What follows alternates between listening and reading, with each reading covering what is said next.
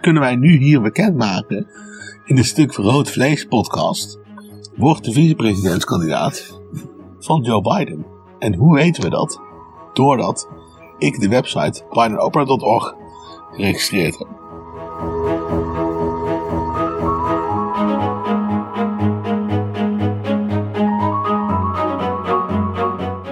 Misschien het grootste, het grootste kunstwerk van de 20e eeuw. Move Over Guernica van Picasso. Weet je wel? The Godfather, numero uno. Dat zou ik, zou ik best kunnen beweren. Weet je wat echt een kutfilm is trouwens? Godfather 2.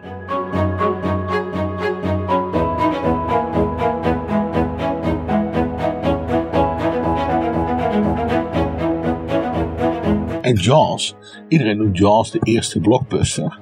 Maar je zou Jaws ook de meest populaire arthouse film kunnen noemen. Hoe vind je die?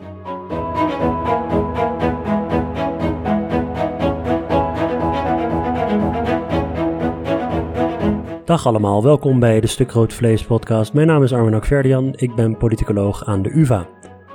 Volg ons via Twitter, het Vlees. U kunt mij volgen via het Hakverdian of neem een kijkje op www.stukroodvlees.nl. U kunt zich abonneren op deze podcast via allerlei podcast-apps en laat dan ook meteen een rating of een review achter.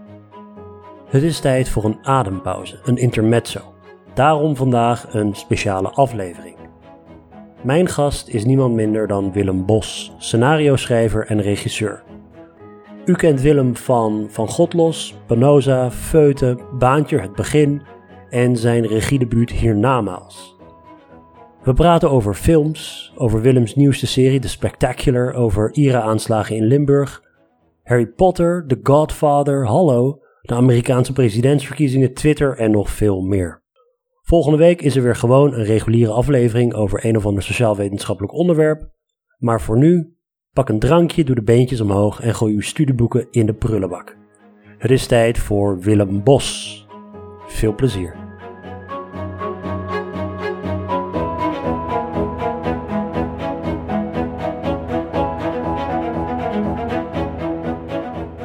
Goed, lieve mensen. Op Zoom, mijn dierbare vriend Willem Bos. Willem, Yes! goedenavond. Goedenavond. Welkom bij de Stuk Rood Vlees podcast, jongen. Ben echt trots dat ik er ben. Wat is tot dusver je favoriete aflevering van de podcast? Ik heb nog nooit één seconde van jouw podcast geluisterd. En waarom? Ik praat iedere dag met jou in de appgroep. en ik heb nog nooit echt één seconde ervan gehoord. Ben je daar trots op? Ja, nee, ik luister geen podcast. Dus dat is een. ehm had je, eh, eh, eh, dus dat is een probleem. Maar ik luister die van jou in het bijzonder niet. Nee, maar ik. Oh, het, het, wordt, het wordt wat. Ik hoop dat we na deze podcast allebei nog een baan hebben. Ja, geweldig. hey, ik denk dat de mensen wel willen weten wat onze origin story is. Ja, oh jongens, dat is echt een lang verhaal. Een, een, rijk verhaal. Dus ik ga het ook helemaal woord. Ik ga het helemaal tot in de- detail vertellen. Zo, eh, eh, zoals je weet, begon het in 2017, nadat ik gestopt was met Twitter. En hebben we eigenlijk met een aantal jonge mannen, eh, ja, wie, zijn- wie zijn het allemaal, eh, van Twitter, zijn we samengekomen bij een appgroep. Ja, je hoeft ze niet te noemen hoor. Dat is Jawel. triest. We zitten in een appgroep eh, met de jongens. En ehm, ja, dan gaan ze de hele dag heel informatief eh, over politiek, over de kunst en over elkaars moeder.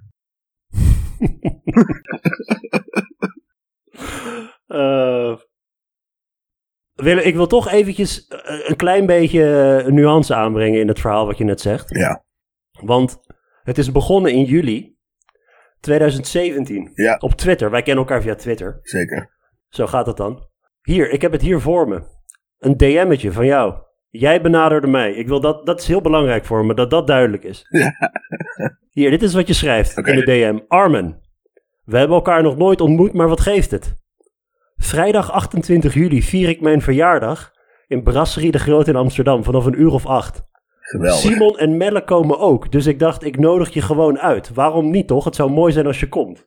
Ja, Ten eerste, ik had Simon en Melle ook nog nooit ontmoet. Dus alsof, dat, alsof je zegt, weet je wat, ehm, Brad Pitt en, eh, en Leonardo DiCaprio komen ook. ja, de mannetjes. Daar is het begonnen. Hey, nu we allebei nog ehm, nuchter zijn. Jij bent eh, scenario schrijver, regisseur, schrijver in het algemeen.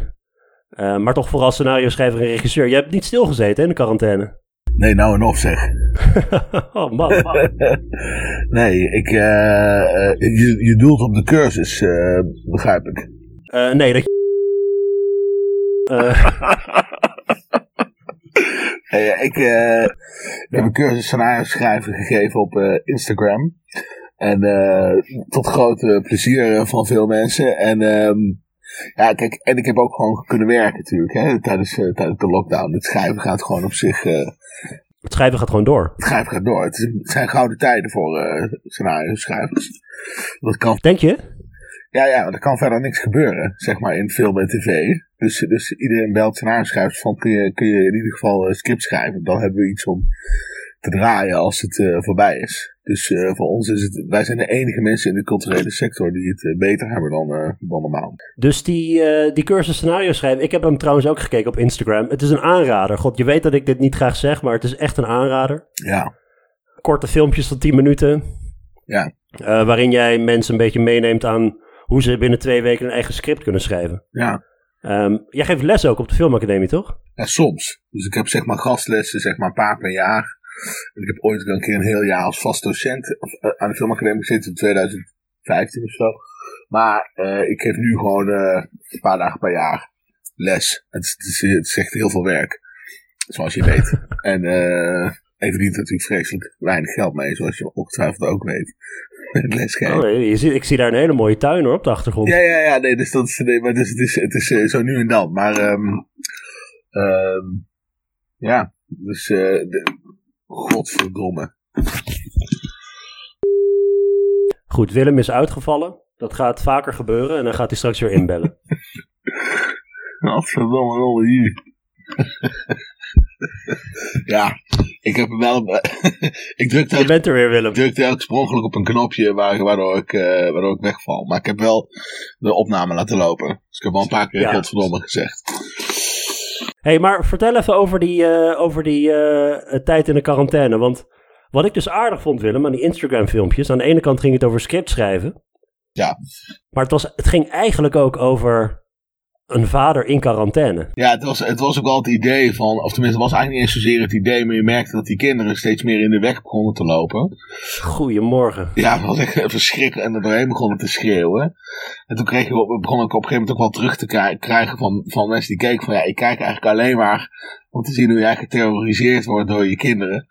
En eh, dus op een gegeven moment moest dat ook telkens terugkomen. Ook als, ook als Iedere ochtend om vijf uur wakker. ja, ja. en het werd op een gegeven moment eigenlijk veel meer een soort portret, inderdaad, van een familie die, die gewoon, zo, van zo'n man die, die zijn kinderen de hele tijd in zijn nek zitten. En ehm, dat werkte wel goed, ja. Dus, ik had op een gegeven moment ook vooral heel veel mensen die gewoon al in film werkten. En die zeiden, ja, die shit die je allemaal zegt, die weet ik eigenlijk al lang. Maar ik vind het gewoon grappig om te zien, om naar je kinderen te kijken. En Melle. Melle was gewoon heel negatief de hele tijd. Had je dat ook gezien? Melle Runderkamp van de Betrouwbare Mannetjes. Ja, Ja, hij gunt, hij gunt andere mensen hun succes niet, heb ik Niets, het idee. niets. Melle, behandelde het als een persoonlijke aanval, mijn eh, lessen, Instagram lessen, ja. en die zei ook de hele tijd dat ik allemaal dingen verkeerd uitleg. WOW dat jij eens een keer iets leuks doet, Willem. Oh wee, inderdaad. Ik leg het overigens ook wel grotendeels verkeerd uit, trouwens. Is het zo? Nou, ik heb er, nou, dit is echt, ik heb er wel echt wat van geleerd, omdat ik als complete leek erin ging. Ja, Ehm, dus bijvoorbeeld, hè, dat, dat, dat verhaal over die drie actes die er ja, zijn ja. in een, in een speelfilm. Dus het ging over een speelfilm, het ging niet over tv-series of wat. Ehm, waarom, is dat de meest gangbare vorm? Of waarom begon je daarmee? Of is dat het makkelijkst? Of? Ja, dat is in, een- in, in een verhaal van een speelfilm is het wel het meest, ja, denk je, het is gewoon begin, midden en eind natuurlijk. Hmm. En er zijn wel echt, zeg maar, je hebt echt, echt theorie, wat zeg maar heel nauwgezet is. En wat, en, maar er zijn verschillende theorieën en dus de meeste mensen houden zich dan wel zeg maar aan één ding. Dus sommige termen horen bij de ene theorie, van point of no return, weet je, en de call for it, of the inciting incident, dat is dan één theorie. Maar je hebt dan andere termen komen uit de andere. Ik haal die dus allemaal eh, door elkaar de hele tijd. Zeg maar, tot grote ergernis van mensen die er, die er eigenlijk meer verstand van de theorie hebben dan ik. We hebben Van de puristen. ja, de puristen, ja precies, zoals Melle. Oh, dat zijn hele saaie mensen. De hele Oh, het moet allemaal volgens het boekje hoor. Allemaal volgens het boekje, precies, precies. Dan krijg je dus saaie script van, weet je wel. Script volgens het boekje. Maar die, Zonder hart. zonder hart en ziel. Dat is precies het probleem. En die, eh, maar die, ehm, eh, maar ja, ik, ik, kijk, de grap is dat je natuurlijk na, op een gegeven moment, na, na zoveel jaar, doe je het gewoon eigenlijk zonder, een beetje, zonder echt over na te denken waarom je het doet. Behalve dat je soms denkt van, oh ja, wacht even, waarom loop ik hier nu vast? En dan ga je gewoon heel soms terug naar wat je ooit soort van geleerd hebt. En dan denk je, oh ja, ik mis daar een moment, weet je wel, in einde eerste acte, of het is niet duidelijk dat waar de tweede acte begint. En het is soms ook wel om een soort van aan te wijzen waar je fout loopt. Weet je wel, bijvoorbeeld dat midpoint wordt zo'n heel punt over gemaakt. Het midden van het verhaal is een punt waar, gewoon, waar je als schrijver gewoon bijna altijd vastloopt. En dat je zeg maar even niet weet hoe je richting het einde moet. En dan is het soort van handig om terug te keren naar theorie, zou ik maar zeggen. Ja. het is echt een van de weinige vakken waar theorie en praktijk echt eigenlijk heel, of niet een van de weinige, maar echt wel zo'n vak waar dat heel weinig met elkaar te maken heeft. Weet je wel, zeg maar, als je, als je kok bent, hou je je natuurlijk gewoon sowieso aan een aantal regels. Weet je wel, en dat, en dat geldt voor scenario schrijven wel minder. Daar gaat voor kok misschien ook wel dingen. Waardeloze vergelijking, meteen alweer, right off the bat. Die moet je erin houden. Daarom hebben we je, Willem. we hebben voor waardeloze vergelijkingen, grove generaliseringen. Dat, dat, daar, daarom zit je hier. Daar zit ik hier voor. Slechts denkbare vergelijking. Ik hoor Melle nu al stoom uit zijn oren als je, als je dit zit te luisteren. um, je, begint dat, uh, je begint die cursus ook met zeg maar, echt van die grote concepten. En een van de dingen die mij dus wel verbaasde, is op een gegeven moment heb je het ook over bijvoorbeeld dat je een hoofdpersoon moet uitkiezen. Ja. Um, wat, wat natuurlijk nogal, nogal belangrijk is. Maar dat mensen zo van, van complexe hoofdpersonen houden. Ja. Weet je wel, van die Tony Soprano-achtige mensen die, ja. ja. die gewoon multidimensionaal zijn en weet ik veel wat. En dat dan een fout die heel veel mensen maken is dat ze dan die persoon heel veel eigenschappen geven. Terwijl eigenlijk Klopt. zit die twijfel tussen twee, nou jij noemde het een soort van strijd tussen universele waarden. Klopt. Dat vond ik mooi. Dat is nou zoiets waarvan je dan, dan, dan hoor ik dat terwijl jij dat zegt met, met, uh, met je zoontje die krijst. Ja. Dan denk ik, ja. ja, als ik terugdenk aan een aantal hoofdpersonen in films die ik leuk vind, is dat inderdaad zo. Zo complex zijn ze niet. Het is gewoon dat ze de hele tijd twijfelen tussen twee dingen. De tegenstelling in zich hebben, ja precies. Want ja. de, meeste echt, de meeste echte mensen zijn natuurlijk helemaal niet zo waarachtig als een, uh, als een Tony Soprano, zeg maar. Die leven, leiden gewoon hun leven en zijn soms een beetje meer dit en dan weer een beetje meer dat, weet je wel. En, en dat zijn, het is natuurlijk heel zeldzaam dat je in het echte leven iemand ziet die zo seriously flawed is, zou ik maar zeggen, als, als Tony Soprano, weet je wel. De meeste mensen leven gewoon van dag tot dag. En ik denk dat bijvoorbeeld om maar een politiek ding te doen, weet je wel, mensen niet kunnen stoppen met... Hoor je me nog of niet? Ja, ja, nee. Ja, ja, precies. waarom is niet kunnen stoppen met kijken naar Trump? Weet je wel, om maar iemand te noemen. Is dat natuurlijk, hij is gewoon totaal een fictief personage. Weet je wel, hij voelt als iemand uit een film. Ik kan gewoon niet geloven dat zo iemand echt bestaat. Weet je wel, en ik denk. Maar ik heb dit overigens, dit heb ik heel duidelijk uit één theorie, uit één cursus. En dat is de cursus van Robert McGee, die, die hele beroemde scenario-goeroe. Die is een paar jaar geleden. Hallo. Hallo, de number one, dacht ik wel. Die is een paar jaar geleden naar Amsterdam Noem, noem gekomen. even iemand. Doen even name dropping. En die heeft, die heeft zo'n vierdaagse seminar. En dat had toen de hele Nederlandse film, zat daar toen in, um, in de, in de uh, bibli universiteitsbibliotheek. En dat is heel erg zijn ding. Van personages zijn gewoon twee tegenstellingen in één iemand. En dat botst dan voortdurend. En het is inderdaad ook zo dat die tegenstelling moet gewoon iedere scène hetzelfde zijn. Want als, kijk, wij dealen gewoon iedere dag met iets anders. Snap je? Vandaag vind ik dat ik te veel drink. Maar morgen vind ik dat ik te, te, te veel werk. Weet je wel? En dan ben ik weer onaardig tegen mijn kinderen. En dan ben, zijn eigenlijk allemaal andere dingen. Terwijl een personage heeft één probleem. En aan het eind van de film komt hij daar uit of komt hij daar niet uit, zeg maar. En als je de Ja. mensen zo geschakeerd gaat maken dat ze wel duizenden verschillende shit dingetjes hebben waar ze mee moeten dealen, dan is het gewoon een normaal persoon. En daar, ja, daar, kun- daar kun je eigenlijk niet naar kijken. Maar, die, maar die, dus kun je, maar kun- eh, geef even een concreet voorbeeld van, eh, van zo'n strijd tussen twee waarden waar dan zo'n hoofdpersoon tussen twijfelt. Nou ja, kijk, eh, daar kom misschien nog wel zo op terug, maar ik ben nu dus die serie over de IRA aan het schrijven, over de Troubles. Hallo. En, en wat ze daar op een gegeven moment, zeker op het einde, heel erg, het gevecht wat daar heel erg gevoerd was, eh, werd, was van moeten we door onze gewapende strijd doorzetten of moeten we, zeg maar, electoraal, eh, electorale macht krijgen, weet je wel. Moeten we de politiek in of moeten we door met onze, met onze gewelddadige campagnes.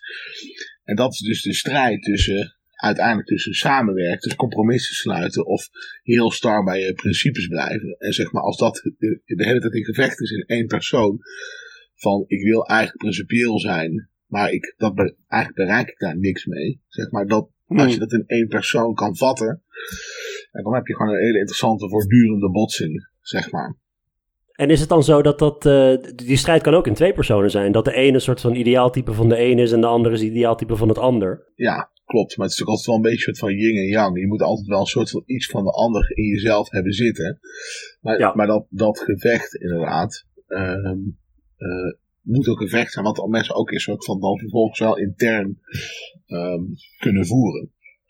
Maar wat is dan bijvoorbeeld bij iemand als, eh, nou ik noem hem Michael Corleone. Michael, Ehm, hallo. Wat is eh, bij, bij hem dan die, die strijd? Want dat is ook zo'n zo'n zo'n gecompliceerd personage. Ik bedoel, hij is een- zo- zo'n stille plotter en weet ik veel wat. Maar Ja, zie je daar dat ook? ja nou, ik- kijk, ik, bedoel, ik- ik weet niet of ik het precies nu in twee woorden kan vatten bij Mark Corleone. Maar er gaat natuurlijk voortdurend een gevecht, ook bij hem, tussen zeg maar de, de manier van zijn familie. En, in zijn, en, en ik denk in zekere zin eh, onderdeel van de samenleving worden. Weet je wel, van ben ik, ben, ik de, ben, ik, ben ik een burger of ben ik een kind van mijn vader? Weet je wel, en dat gevecht, zeker omdat hij in het begin, wat eigenlijk heel mooi is, dat hij een soort war hero is. Weet je wel, wat natuurlijk de ultieme, eh, hij de ultieme tandwiel van de Amerikaanse samenleving, zeg maar, net na de Tweede Wereldoorlog. En hij zegt van, Ja.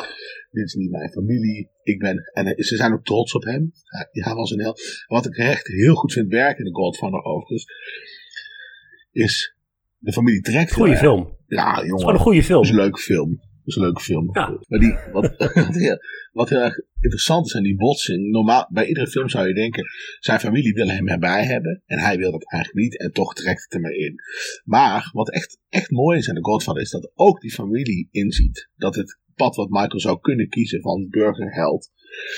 Misschien wel een beter pad is. Weet je wel, ze zeggen allemaal we zijn eigenlijk Maar trots beter voor hemzelf of beter voor de familie? In zekere zin misschien zelfs beter voor de familie. Want A is zeg Het is wel handig om zo'n ja, en- persoon te hebben.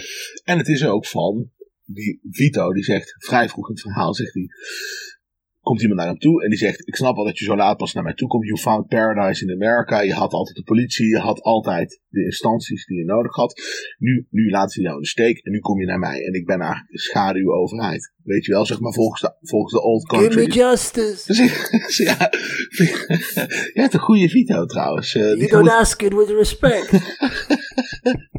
die gaan we nog een paar keer terug laten komen. en en eh, dat gevecht, Make them a suffer. Zegt die uitvaartkerel, toch? jij lijkt het nou eigenlijk wel een beetje op die uitvaartman, hè? Kun je even zeggen van, I love America. Kun je dat, kun je dat eens zeggen? I love America. Ja, je lijkt daar echt een beetje op. Ja, nee, die, ja, eh, Vito die zegt dan heel duidelijk tegen hem van... ehm, ja, Amerika had niet, eh, had niet te bieden wat jij dacht dat het te bieden had. Exact. En ik ben daarvoor in de plaats. En dat is de, ma- de, manier van het, die old country natuurlijk, zeg maar, weet je wel. We hadden, waar, Ja. Daar werd altijd door onszelf. Maar ieder- iedereen daar ziet in dat Amerika ook nieuwe kansen biedt. En zeg maar, dus Michael stelt voor, wat nou als ik die corrupte agent en de Turk doodschiet? En iedereen zegt tegen hem van, nee, dat moet je niet doen. Je bent een soldaat, je bent een held, weet je. Dus het is helemaal niet zozeer dat ze het allemaal aan hem trekken. hè. Het is ook dat Michael het wil, in zekere zin. En als hij het dan doet, dan vertellen ze naar die Vito. En dan moet hij ook huilen. Weet je wel. En dan zegt hij later ook van. Het was nooit mijn bedoeling dat je eigenlijk. Snap je? Ik wilde dit niet Oh, voor dat jou. gesprek in die tuin tussen vader en zoon. Dat is eigenlijk de mooiste scène. Die zegt Dat dacht, is de mooiste scène, ik ja. dacht altijd dat er voor jou een beter leven eh, was weggelegd. Dus het is helemaal niet zo die verwijten. Senator Corleone. Ja. Ja, en dan zegt hij, we'll get there. Weet je wel, van ja. Ja. En in die zin ook gewoon heel universele migrantenproblematiek. Weet je wel, van eh, ehm, ja, bedoel, zolang, zolang zij ons niet willen, zit er voor ons niet zoveel anders op dan onze eigen, onze eigen samenleving te bouwen, zeg maar, buiten de samenleving van de rest om. Leuke film. Eh, het- op een gegeven moment zei hij ook van, nou ja, dan heb je dus die twee waarden. En het hele ding van een film is, hier heb je die twee ideaaltypes.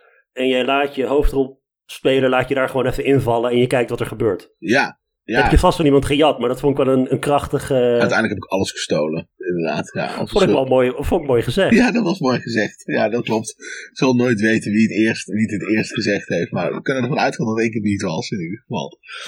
Maar uh, ja, ja, nee. En, en kijk, als je, dan weet, je weet dan ook als schrijver van, als ik, als ik maar binnen die twee uh, polaire punten blijf. Weet je wel, van het moet ergens telkens op dat spectrum liggen tussen die twee. En dan is het wel handig als je dat van voor het schrijven, of zeg maar vroeger het schrijven hebt geformuleerd voor jezelf. Van wat zijn, wat is dat spectrum, wat is zeg maar A en B. En moet wel zorgen dat ik op die as blijf zitten. Dat is wel ingewikkeld, maar goed. En hoeveel scripts uh, zijn er uiteindelijk uit die cursus gerold? Ja, echt heel veel. Gewoon, ik heb mezelf al redelijk in mijn voet geschoten. Want ik krijg, ik krijg echt tien berichten per dag, scripts nu. Mensen ideeën, scenario's van wil je lezen. is voor jou ook. Ja, wil je het lezen? En vooral, wat moet ik er dan nu mee? Weet je, dat daar heb ik natuurlijk helemaal niet over nagedacht. Wat je er nu mee moet. En uh, ja, het is, 80% is ook echt troep. Gewoon, uh, is echt verschrikkelijk. En uh, uh, 15. Maar wat verwacht je dan? Kijk, weet je wat het. Um, dat is ook dit, eigenlijk een beetje je eigen schuld. Is jij doet net bij die cursus van iedereen kan binnen twee weken een script schrijven. Hier zijn de ingrediënten, hier heb je je drie actes en je universele strijd en je negen sequenties. En dan zeg je op een gegeven moment zeg je ook zoiets van ja, dialoog schrijven dat is makkelijk. Al, maar dat is natuurlijk allemaal gelul, het is super moeilijk. Ja. Als je het eenmaal kan, weet je wel, van ja, ik snap niet waarom jullie er niet ook gewoon... Uh, nou ja, kijk, ja. Mensen, heel veel mensen lopen vast op, de, op uh, het idee, ik weet niet waar ik moet beginnen. Weet je wel. En dat was het ook een beetje, een soort handvat van, nou dat kan ik je wel vertellen. Weet je, dan heb je in ieder geval geen excuus meer, zeg maar. En um, dan kun je het gaan schrijven. Sommige mensen hebben uiteindelijk gewoon geen fantasie. Weet je wel, die houden zich gewoon aan die regels. Natuurlijk, het is super moeilijk. Ja, maar dat is altijd als je iets kan. Nou ja, iets kan, zeg maar, iets relatief, iets relatief kan. Dan denk, je, dan denk je ook van, ik snap niet waarom niet iedereen dat vanzelf doet. Snap je? Ik bedoel, ja, en dat zijn gewoon de makkelijkste dingen die andere mensen doen die ik gewoon niet kan koken, weet je wel. Fucking haar knippen, weet je. Heb je, heb je ooit een kapper bezig gezien? En nou, overduidelijk niet trouwens, als je naar jou kijkt. Godverdomme. ben je ooit bij kapper geweest dat je denkt van, ik heb gewoon geen idee wat zij nu aan het doen is. Weet je wel, gewoon, ik snap gewoon totaal niet hoe dit werkt. En uh, ja, dat is bij scenario schrijven anders. Maar ik moet je wel zeggen, het, het klopt wel dat van dialoog schrijven, best wel veel van mensen teruggehoord ook van, ik vind dat toch heel moeilijk. En het ding daarvoor geldt denk ik ook wel van. Som, daar komt op een gegeven moment wordt het een beetje talent of iets wat is aangeboden. Je denkt, ja, kijk, ik lees gewoon wel eens dialoog en dan lees ik een zin. En dan denk ik van ja, sorry, maar dit hoor je toch. Dit, dit, daar gaat toch gewoon een, een alarm in je hoofd of als je deze zin opschrijft. Van dit is een lelijke zin. En dat hebben sommige mensen gewoon niet. Weet je wel, sommige mensen hebben gewoon niet dat taalgevoel. Hey, um, waar heb je zelf aan gewerkt in die quarantaine? met name dus aan ik ben bezig aan een serie over um, The Troubles. Uh, um, The Spectacular heet het. En uh, Geweldige titel. Ja, geweldige titel hè. Het is een, uh, de, de, de, die... Genoemd naar... die, zit er, die, die zit er dus ineens een piepje in het gesprek. En mensen denken, what the fuck zei die dan? wat kan hij? Er was geen enkele uh, aanleiding om, om iets goors te zeggen. En ineens. Piep. Ja, sorry. Willem, ga door. De Spectacular. Wel een hele mooie titel trouwens. Geweldige titel.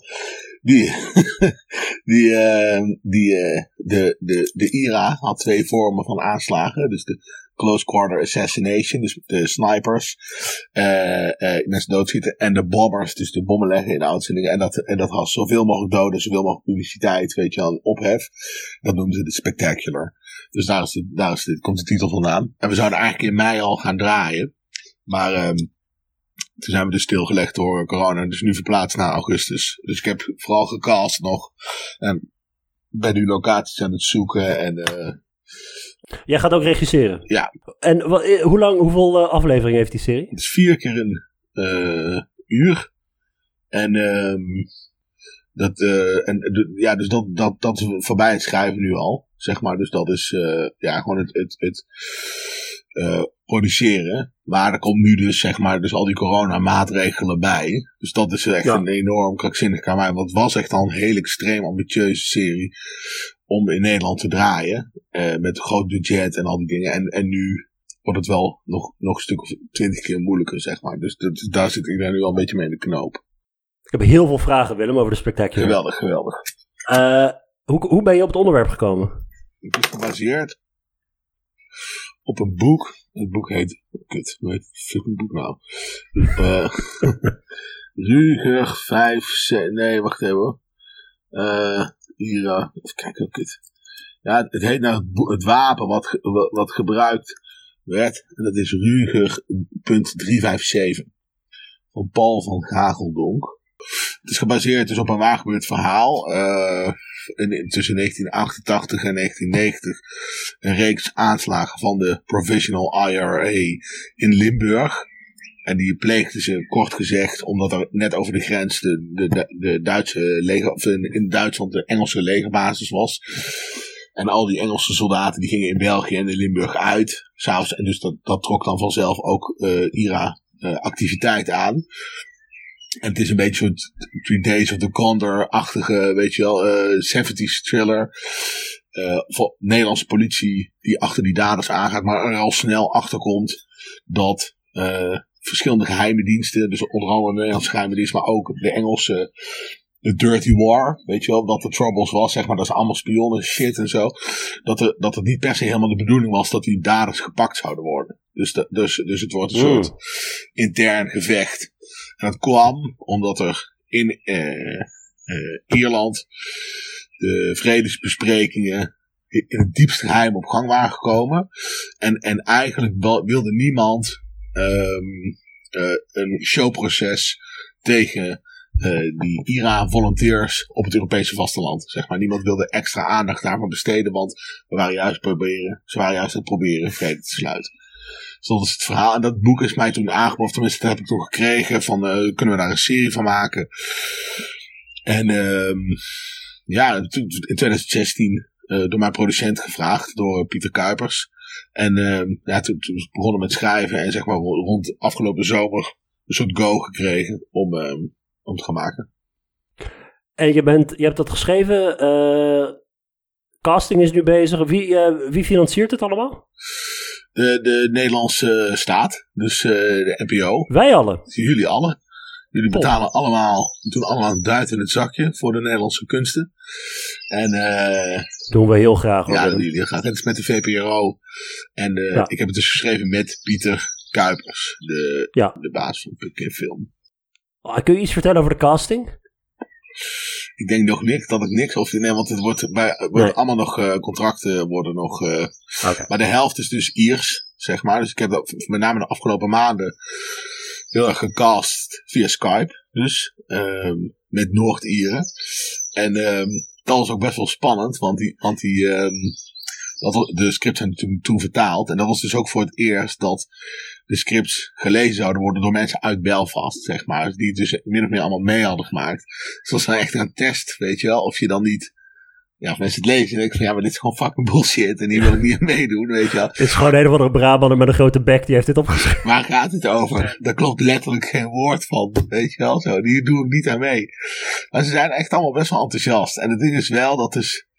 Ze, zeiden ook, ze zeggen ook allemaal wel van ja, als je uit Belfast komt, dan krijg je het enige als acteur waar je bijna in speelt, is Ira shit. Weet je wel. Of tenminste, er wordt Oh heel vaak gevraagd daarvoor. En eh ze hebben ook best wel huiverig om daaraan mee te doen. Dus, dus iedereen zei eigenlijk toen ik het begon te lezen in de serie over de Ira uit Nederland, weet je wel, toen dacht ik van nou, laat me zitten, daar heb ik, daar heb ik geen zin in.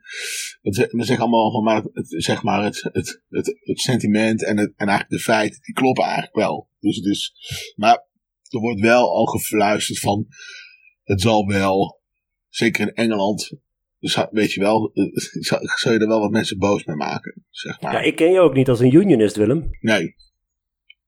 Nee, nee, wel. Nee, wacht even. Wacht even. Moet ik even voorzichtiger mee zijn. Nee, maar het is überhaupt, het feit dat het zeg maar überhaupt het perspectief van de, de Republikeinen kiest en ook vertelt van ja, die mensen doen dat wel omdat ze ja, in, in een bijna systeem van bijna apartheid leven, zeg maar. Dus dat, dat Ja. veroorzaakt dat. Het feit dat dat niet geheel opinionated, aan de, zeg maar biased voor de Engelse kant is, voor de protestantse kant, is eigenlijk al best wel controversieel. Dus daar ben ik van, ja, dat, dat, dat zal wel mensen een beetje boos maken. Maar ja, goed, maar, maar, het is wel zo, dat hoor je in ieder geval vanuit daarvan. Eigenlijk wordt er in Ierland helemaal niet zo heel veel over gemaakt op die manier. Zeg maar, het is best wel een vers trauma natuurlijk nog. Ja, zeker. Hey, uh, is dit het meest politieke wat je ooit hebt geschreven, gemaakt? Uh, ja, ja, ik denk het wel. Ik bedoel wel, er zit wel vaak een beetje politiek in, maar dit is wel. Ja, dit is gewoon wel een, een gevoelig onderwerp. Zeg maar meer nog dan. Ik heb zeg maar ooit van God los mee opgestart die serie. En dat ging over een soort waargebeurde moordzaken.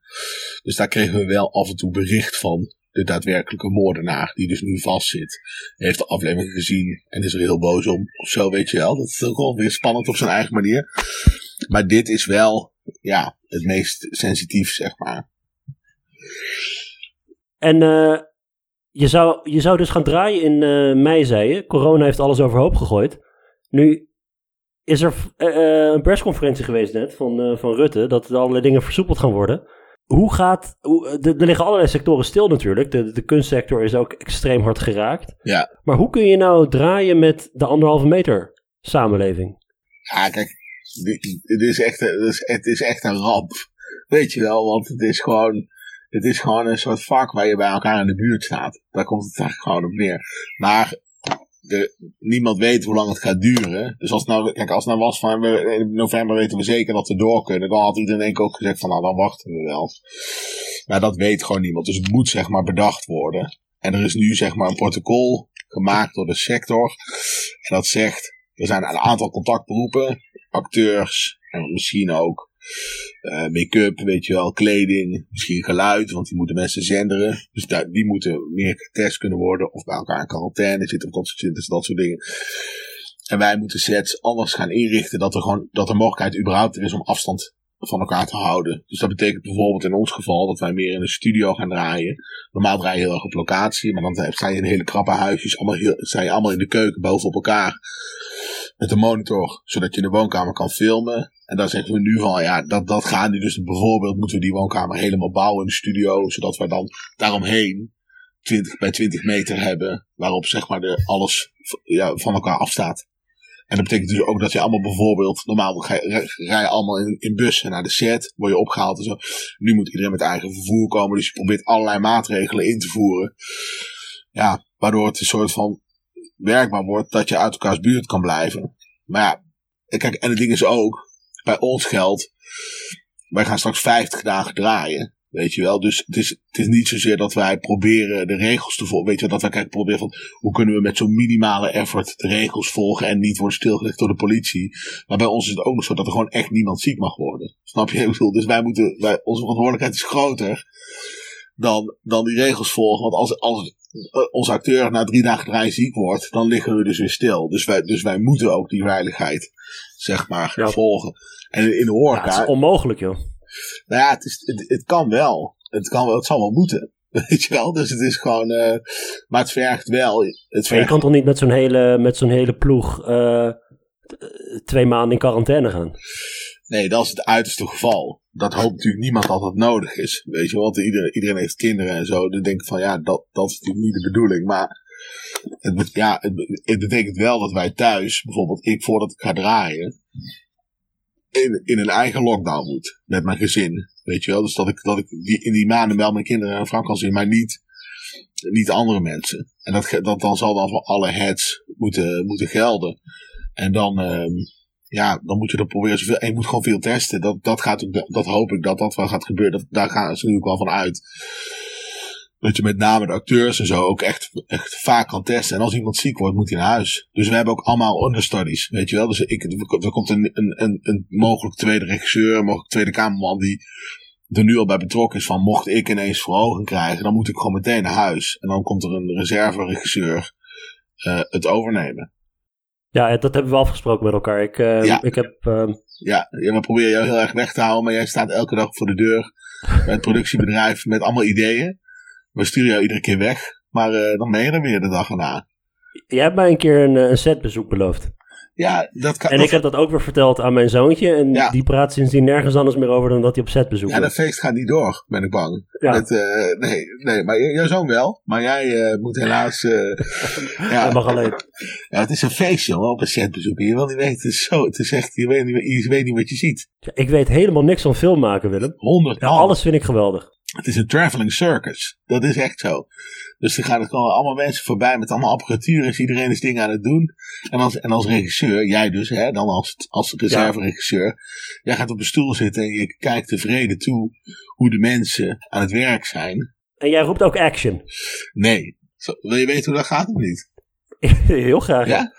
Ik dacht dat dit ongeveer het enige was van het vak dat ik wel wist. Nee, heb je, Dat je action roept als regisseur. heb je ook weer fout. Eh, de opnameleider, die, die zegt, attentie voor opname. Weet je wel, stilte op de set. Mensen worden stiller. En dat gaat over de porto's, weet je wel. Dan ontstaat er een concentratie op de set. Dan gaan we alle heads langs camera. Dan zegt de cameraman of de cameraassistent loopt. Geluid. Dan zegt de geluidsman of vrouw loopt. En eh, dan zegt de opnameleider eh, en actie. Want die, die brult dan, als het ware. Dan weet iedereen dat het gebeurt. En vaak is de regisseur die dan wel zegt cut. Dus je mag wel cut zeggen. En dan even de acteurs bij roepen en misschien even aanwijzingen hier of daar. En zeggen wat ben je aan het doen? Wat ben je? Ik dacht dat jij acteur was. Ik, ik, ik, ik zei naar je te kijken. Te kijken. En ik, ik, eh, we, kunnen naar huis, we kunnen wel inpakken. Weet je wel. Dit is amateurtoneel is dit. Bijvoorbeeld. Of zeg je van, eh, ja. Doe het nog één is een keer. beetje zoals Stanley Kubrick omging met die, met die dame in The Shining. Hoe heet ze nou? Precies. Of wat je ook bijvoorbeeld kan zeggen is, eh, we doen het nog één keer, maar, maar, dan, eh, maar dan niet slecht. Wat denk je daarvan? Zo het één keer niet slecht proberen. Misschien een, goed, misschien een beter idee. Bijvoorbeeld. Dat kun je bijvoorbeeld doen. Zeg, over politiek gesproken. Ja. Ik weet alleen niet van de Troubles. Ik weet niets van Nederlandse politiek. Ik weet de jongen. De jongen en Rutte, dat is wat ik weet. ik weet ook niet meer dan alleen die twee namen. De jongen, Rutte en Grapperhaus. Nee, maar Willem, jij en ik zijn allebei Amerika-kenners. Zeker. Political junkies. Wij houden heel erg van, eh, van, van de Amerikaanse politiek. Ja. Nee, maar ehm, we moeten even wat verhaal vertellen over, ehm, over Oprah. Oprah Winfrey. De jongens hebben een primeur. Vier jaar geleden, vier jaar geleden rond deze tijd, heb jij een URL geclaimd. een domeinnaam op het internet. Trump was al president volgens mij. Dus ik denk dat het drie, dus drie jaar geleden. Drieënhalf jaar geleden. En, eh nee, wacht even, drie jaar geleden was hij. Ja, was hij net, drie jaar geleden was hij net president. Hij was net president. Oh, Oké, jij had het, jij had het domein ge, geclaimd met het oog op 2020. Of misschien is het wel 2050. Dus Anyway, ik ging op een gegeven moment het verhaal dat Oprah Winfrey. Je kan het, ja, het was 2015 inderdaad, dus het is zelfs al langer geleden. Dat hij actief zou worden in de politiek. Dat kun je nog herinneren. Hè? Dat ze, ze- om de zoveel tijd gaat het verhaal van: is Oprah niet een goede president? En toen ging het verhaal: in 2020 wordt zij de vicepresidentskandidaat van Biden. Toen ging het, ook, toen ging het natuurlijk ook al over Biden, hè? zeg maar. En ehm, toen. eh ik dat op een ochtend nieuws te kijken. En ik weet nog, Esra was toen al geboren. Het was een heel brakke ochtend. We hadden een soort feestje gehad. En dan zat ik zo om vijf uur s ochtends of zo. Heb ik toen in een soort opwelling, zonder echt over na te denken, de URL bidenoprah.org geregistreerd. Bij het Nederlandse domein, boer.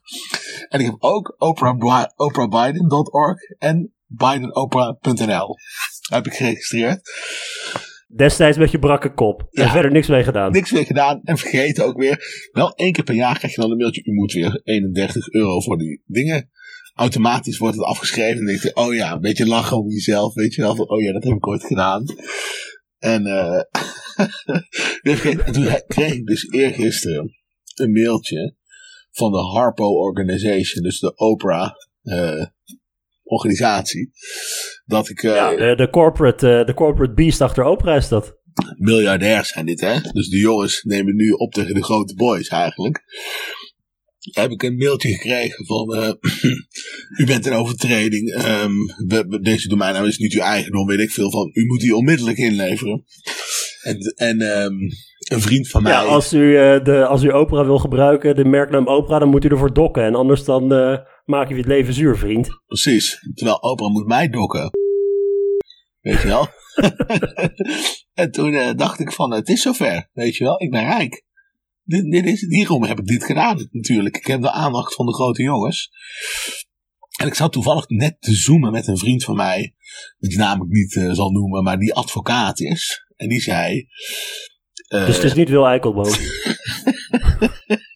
een serieuze advocaat bedoelde ik. Oké, ja. ja. en uh, die zei, nou laat maar ons kantoor er maar even naar kijken, want wie weet sta je gewoon in je recht. Want je mag eigenlijk geen naam registreren. Mag, ik mag zeg maar niet armenakverdian.nl registreren. Maar wie weet is Biden Oprah. Het is misschien net, ga je een soort van door een maas in de wet. En uh, ja, dan gaan we gewoon zeggen van ik wil hem wel inleveren. Maar dan wordt gewoon dikke centen betalen, vriend. Zeg maar. Maar goed, nu staat straks deze podcast natuurlijk online. En dan kan ik niet langer hard maken dat het niet over Biden en Oprah gaat. Want nu heb ik mezelf in een hoek geluld natuurlijk. Dus dit, dit wordt straks, deze podcast wordt straks de reden dat ik... Die kost je miljoenen straks. Die kost me miljoenen, dat ik nooit meer Amerika in kan. Maar mijn favoriete theorie over dit hele akkefietje is dat ze jou nu aan het benaderen zijn. Omdat Oprah waarschijnlijk de vicepresidentskandidaat van Biden wordt en ze dat account en ze dat domein nodig hebben. Sarah, maar die zei, wij hebben dus nu een wereldprimeur. Wij, wij weten iets wat niemand weet, namelijk dat het, dat het zo is. Oprah Winfrey kunnen wij nu hier bekendmaken in de Stuk Rood Vlees podcast. Wordt de vicepresidentskandidaat van Joe Biden. En hoe weten we dat? Doordat ik de website binenoprah.org geregistreerd heb. Echt met stip een van mijn favoriete Willem-verhalen. Dat is een geweldig verhaal, toch? En wat een vooruitziende blik ook. Hè? Ik bedoel, in 2015 was Biden was geen zekerheidje, hè? Nee, absoluut niet, nee. Wie denk, jij, wie denk jij dat het gaat worden? De VP? Oh, jeetje. Ik denk dat het Warren wordt. Oh ja? Denk ik, ja. Ja, misschien omdat ze ook gewoon uh, denken van uh, die Biden die kan nog wel eens omver vallen. Voor, uh, voor het zover is. Ja, en ook toch een beetje, toch een klein beetje de linkerflank. Um, ook een vrouw. voor wat diversiteit on the ticket. Maar ik weet het niet hoor. Het, kan, het, maakt, het, het maakt geen ene zak uit wie het is. Nee, maar wel wit natuurlijk hè. Dat is wel weer een dingetje. Ja, toch ook een beetje Native American heritage, waar Trump het altijd over heeft. Ja, zeker. Maar um, Nee joh, die VP dat is één groot mediagelul. Dat maakt helemaal geen bal uit. Oké. Jij weet net zo goed als ik, Willem, het gaat eh, over de top of the ticket. Top of the ticket, dat is uiteindelijk belangrijk. En uh, zal, ik, zal, ik een, uh, zal ik eens een call doen? Wie, wie gaat winnen, zeg maar, de presidentsverkiezingen? Heel graag. Ik ga je het volgende voorspellen. Kijk, je weet, als je nu gewoon interessant wil doen, dan zeg je, weet je wel, van de, de democraten verpesten het weer, zeg je dan, weet je wel. Dan doe je zo'n nerdstem. Van, en het zal weer Trump worden, weet je wel. Van dan, dan, moeilijke bril op. Moeilijke bril op. Dan is al, of je hebt gelijk, of, of je bent blij dat Trump niet gewonnen heeft, weet je wel. Dat is de, de, de meest laffe positie die je kan innemen in voorspellingen, weet je wel. De, de Robert Jensen take. Van, ik, ik, weet, ik weet waarom, waarom Trump toch weer zal winnen. Maar ik ga jullie nu hier voorspellen. Niet alleen wordt het een landslide voor Biden. Het wordt de allergrootste overwinning uit de Amerikaanse geschiedenis. Goeiedag. Zo kennen we je weer, Willem. Texas. Texas. Blue State. Texas gaat uh, flippen, zeg jij? Jazeker. Geweldig, toch? De Senaat, Armen. De Senaat. Ja. Blue Wave. Kwijt. Mitch, Cocaine Mitch. Afgelopen. Maar jij, jij zegt dus wel dat de verkiezingen doorgaan. Oei, ja, dan zeg je zo wat. Ja, dat, dat, ik, denk, ik denk wel nog dat ze het gaan. Dat ze, die hebben ze tot nu toe nog een beetje in hun hoge hoed gehouden. Hè? Zeg maar van uh, niet verkiezingen doen en zo. Maar ik denk wel dat Don Jr. dat op een gegeven moment wel een beetje gaat, uh, gaat, gaat floten. Ja, dat denk ik wel. Zullen we even kijken. Even kijken of dat bespreekbaar is. Hey Willem, even terug naar films. Wat is nou de perfecte film? Het is The Godfather, hè? Daar hebben we het al over gehad. Echt? Ja, Toch? The Godfather is de perfecte. The Godfather is een film zonder fouten. Alles is goed. Het spel is goed, het scenario is goed, het is prachtig gedraaid, de muziek is goed, de pacing. Pacing is heel goed. Als je, als je verstand wil hebben van film, moet je, zeggen, moet je het hebben over pacing. Echt zo'n kennerswoord, weet je wel? Pacing. Het ritme, het ritme van het verhaal, zeg maar, de pacing. Gebruikt Melle ook vaak pacing? Melle heeft het altijd over pacing. Je, moet, je moet alle Melle-referenties er wel inlaten, hè, denk ik. ja, mensen kennen Melle wel hoor. Mensen, Me- Mel Runnekamp, een van de betrouwbare mannetjes. Van Promenade. Voor Promenade. Godverdomme, wat een programma. Maar, eh de, de, eh, maar goed, er zijn meer bekende eh, perfecte films. A Midnight Run. Armen, hallo. Hey, Midnight Run, ja. Geweldige films, perfecte Maar film. Godfather, ik, je, je kent me, ik, ik hou van leuke films. Ik ben niet pretentieus, ik hou van commerciële grote Tuurlijk, geen Godard. Hollywood. Mijn, mijn lievelingsfilm is Jaws, dus dat, dat zegt het allemaal wel. Wel, het is geen perfecte Ehm, film natuurlijk, maar het is wel meesterwerk. Ah, man. Hallo. Maar The Godfather Ja. was dus de meest verdienende film aller tijden, totdat het overgenomen werd door Jaws. Dat boek van Puzo was ehm, een enorme bestseller. Dus het is gewoon een commerciële, het is gewoon een commerciële film. Commerciële film, En tegelijkertijd, zeker. Willem, misschien het grootste meesterwerkje van de 20e eeuw als het gaat om populaire cultuur? Nou, Arwen, dat Of zeg ik nou iets heel is geks? helemaal niet zo'n hele gekke theorie die je daar hebt. Misschien het grootste, het grootste kunstwerk van de 20e eeuw. Move Over Guernica van Picasso. Weet je wel? The Godfather, numero uno. Dat zou ik, zou ik best kunnen beweren. Weet je wat echt een kutfilm is trouwens?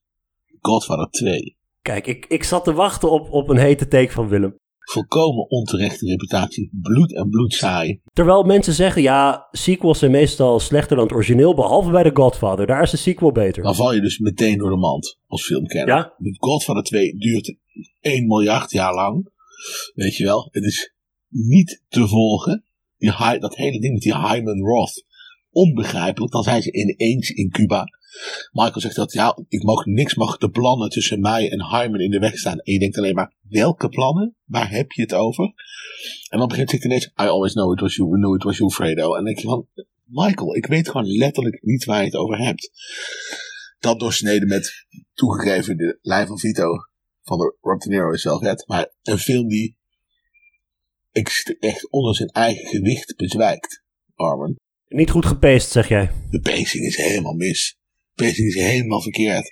Ik zal zeggen, luister, het is natuurlijk een betere film dan zeg maar, eh, weet je wel, Freddy Got Fingered. Maar, en dan, Hey, ik, heb, ik heb nog een, ik heb een vol- de volgende vraag is ook een goeie. Ja.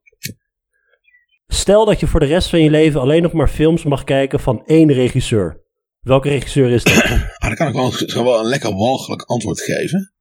Ehm Er zijn een hoop dingen waar je aan moet denken, hè? Billy Wilder. Of, of Hitchcock. Hm. Hm, Ja, daar, daar baal je van, hè? Maar waar let je dan op als je die keuze maakt? eindeloos entertaining. Daar komt het gewoon op neer, zeg maar. Ik bedoel, de, zowel Hitchcock als Billy Wilder heeft films die je gewoon die je rustig tien keer kan kijken. Eh, die soms heel... En, en ook divers. Nou, Hitchcock is eigenlijk wat minder divers dan Billy Wilder. Billy Wilder heeft echt comedy, screwball comedy. Heeft ook eh, echt spannend, weet je wel. Heeft bijna epische grootte van Sunset Boulevard, weet je wel. Heeft allemaal verschillende scopes in zijn verhaal. Dus dat, ik zou Wilder kiezen ook omdat het een schrijver is. En Hitchcock ook omdat het, gewoon, omdat het vooral heel veel goede films zijn. Hitchcock heeft gewoon twintig topfilms, weet je wel. En die hebben bijna, heeft bijna geen één andere regisseur. Zeg maar, Kubrick heeft er wat, heeft er acht of zo, weet je wel. Valt weinig te lachen met Kubrick, behalve misschien Dr. Strangelove. Ja, het, voor de rest is het niet echt hilarisch. Kunnen nog een beetje lachen bij The Shining misschien af en toe. Maar het is niet echt, en het is ook wel een beetje autistisch allemaal. Barry Lyndon kun je één keer kijken en verder niet meer. Nee, wat een kutfilm is dat ook, zeg. Barry Lyndon, fuck off. Hey, en als ik nou zeg Steven Spielberg, ben ik dan heel dom? Nee. Nee, Spielberg wordt wel. Spielberg is wel gewoon een heel. ge- Ja, natuurlijk totaal geaccepteerde naam. En heeft ook een paar meesterwerken. Maar natuurlijk wel schaamteloos sentimenteel. Dat, dat, is, dat is wel ja, zo. zeker. ja. En eh je, moet, je moet er wel van houden, zeg maar. Maar ik hou er wel van. Weet je wat de beste Maar- Spielberg... Wil je nog een eten take? Wacht even, wacht even, wacht even. Die, je, je gaat straks zeggen wat de beste Spielberg is. Ja, ja, ja. Maar als je het hebt over diversiteit van films en zo, hè? Mhm. Die kerel heeft dus in één jaar heeft die Schindler's List en Jurassic Park gemaakt. Twee kutfilms. Dat is toch ongelooflijk? Twee keer- Twee kutfilms in één jaar. Kun je nagaan. Ja, dat is gewoon knap. Jongen, tijdens jouw scenario schrijfcursus zei jij... De midpoint van Jurassic Park is het grootste midpoint aller tijden. De T-Rex reveal. Klopt, ja. Tot woede van Melle. Het zijn jouw woorden. Klopt, nee, nee. Schindler's List en eh, Jurassic Park gaan zijn wel twee echt geweldige films. Had toen wel echt een paar jaar waarin hij gewoon alles kon. Wat is de beste Spielberg, ging je zeggen? Munich. Hoe vind je die? Vind je dat vind een hete tank of niet? Niet zo sentimenteel, best wel gritty.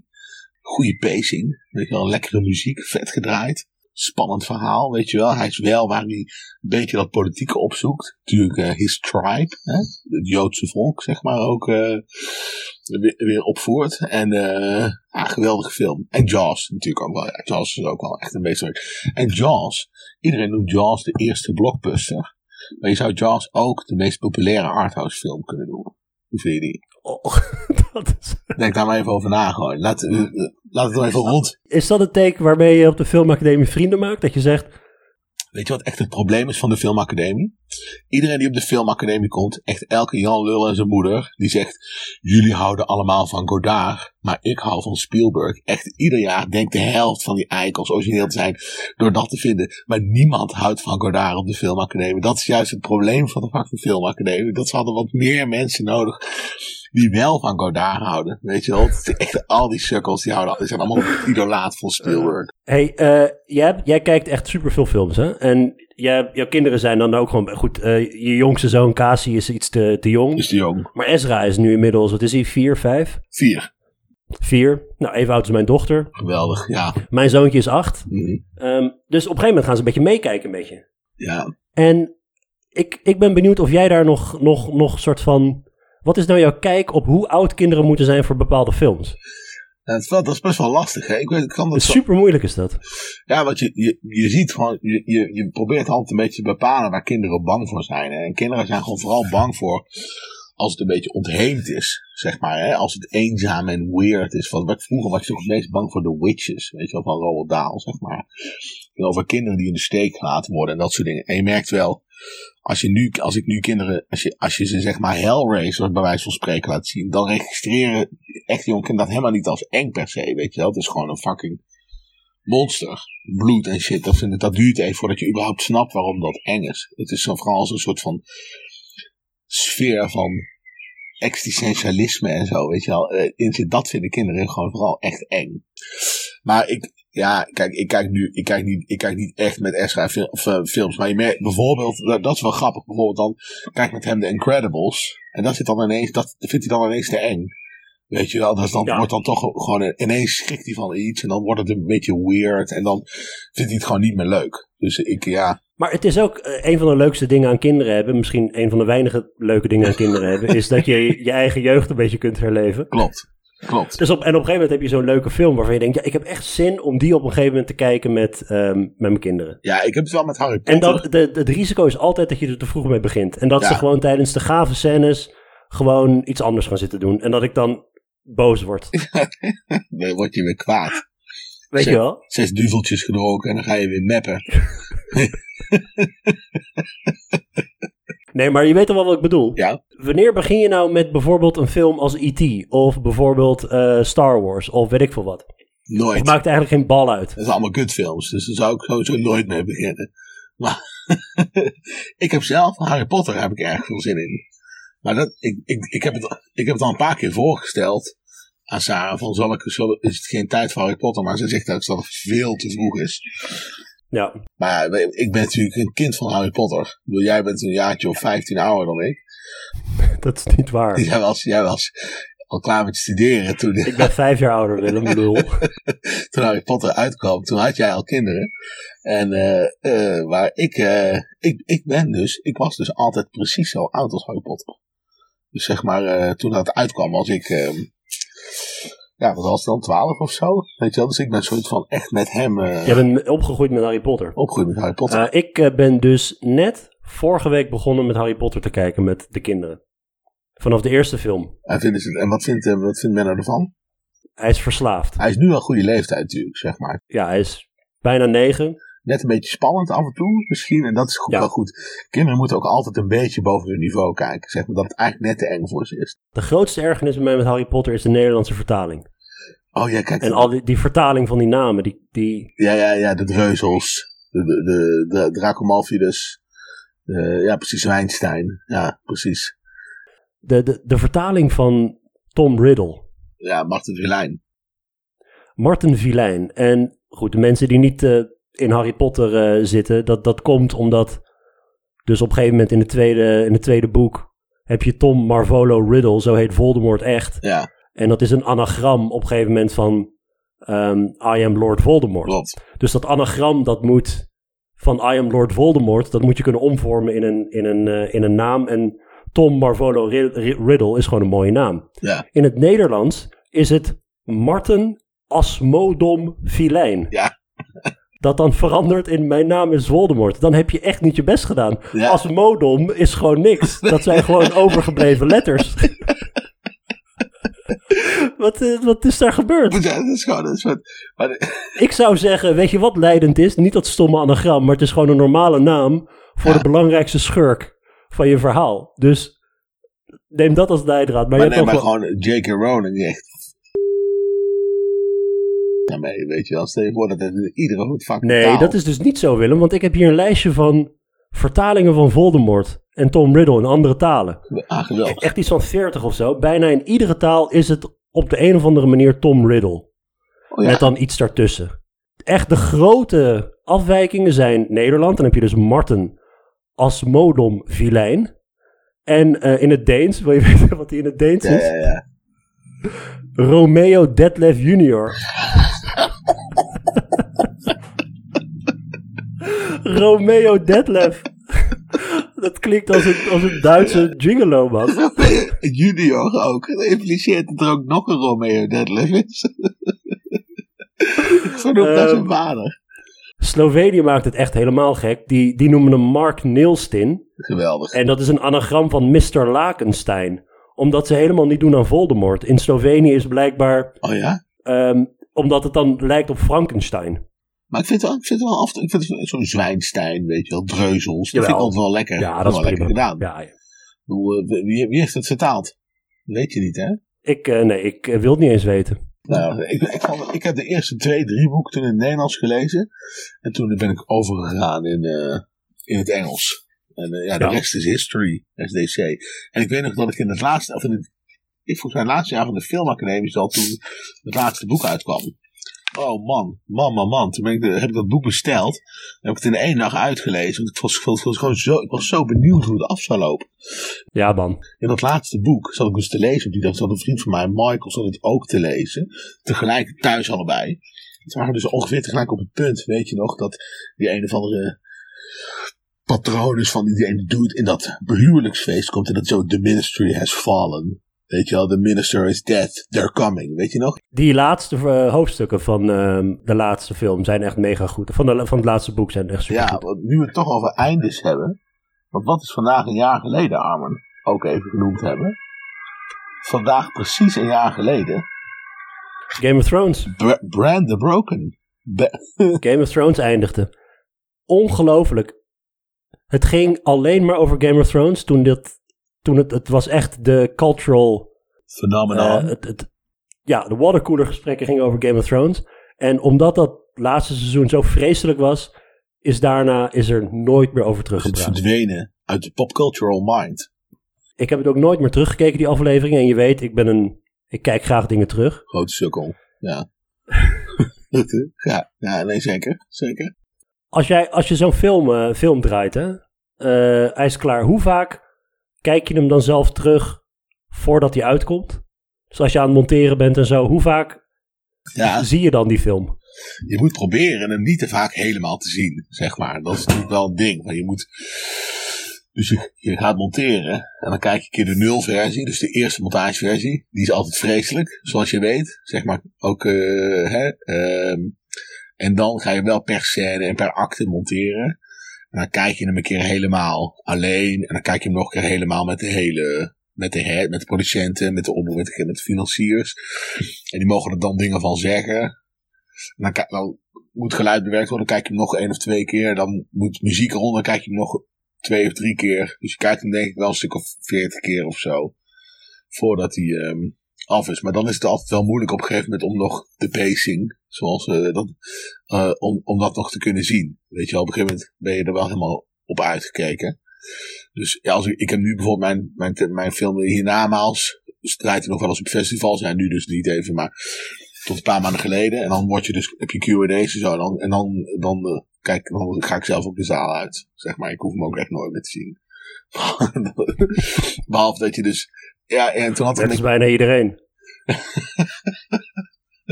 leuk. Dat is leuk. Ja, kleine roast. Ja, kleine roast. Dat, uh, dat, dat, dat festivalcircuit en die, en die prijzen en dat je getoond wordt hier en daar, wat is dat voor wereld? Want jij krijgt allerlei uitnodigingen waar je dan heel blij mee bent. En dat, ik geloof oprecht dat het bijzonder is hoor. Maar van mijn film wordt gedraaid op dit en dit festival ergens in, nou noem maar op. San Diego of weet ik veel wat. San Diego, maar wat, wat betekent dat precies, dat het dan daar gedraaid wordt?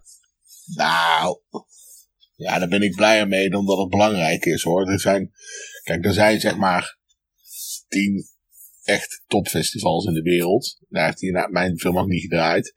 En dat, dat, en dat zijn zeg maar, ja, als, je de, als je bijvoorbeeld Berlijn, Cannes, Venetië, Locarno, uh, Sundance, uh, weet je wel, zeg maar, als je op een van die festivals uh, draait, dan dan, dan, dan heb je daarna ook wel een internationaal carrière. Weet je, dat, dat is echt een. Maar je draait dan, het doel van het draaien van films op die festivals is zodat die namens bekendheid krijgen, of wat?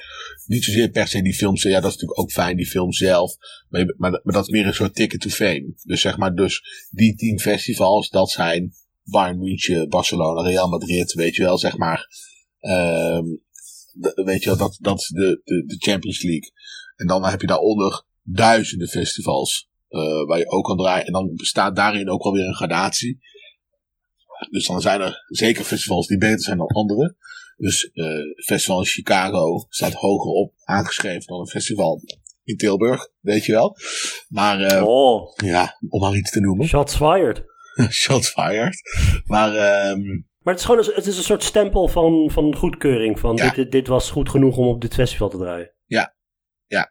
Dus, uh, dus bijvoorbeeld Cleveland, waar ik toen gedraaid heb, die kiest 13 films uit die in de New Directors Competitions uh, draaien. En ja, dat, dat kun je dan communiceren, van het is daarvoor geselecteerd.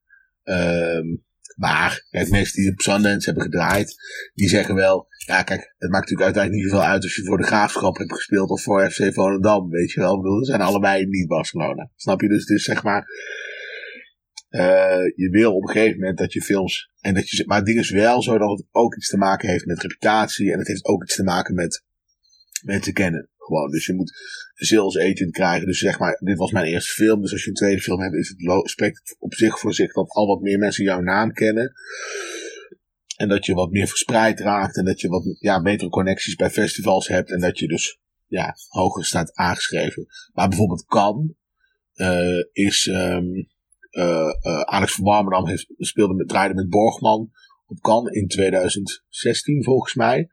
En dat was de eerste Nederlandse film in 36 jaar die daar uh, die, die op Cannes draaide. Dus, dus, dus dat is wel, ja, dat is something else, zeg maar.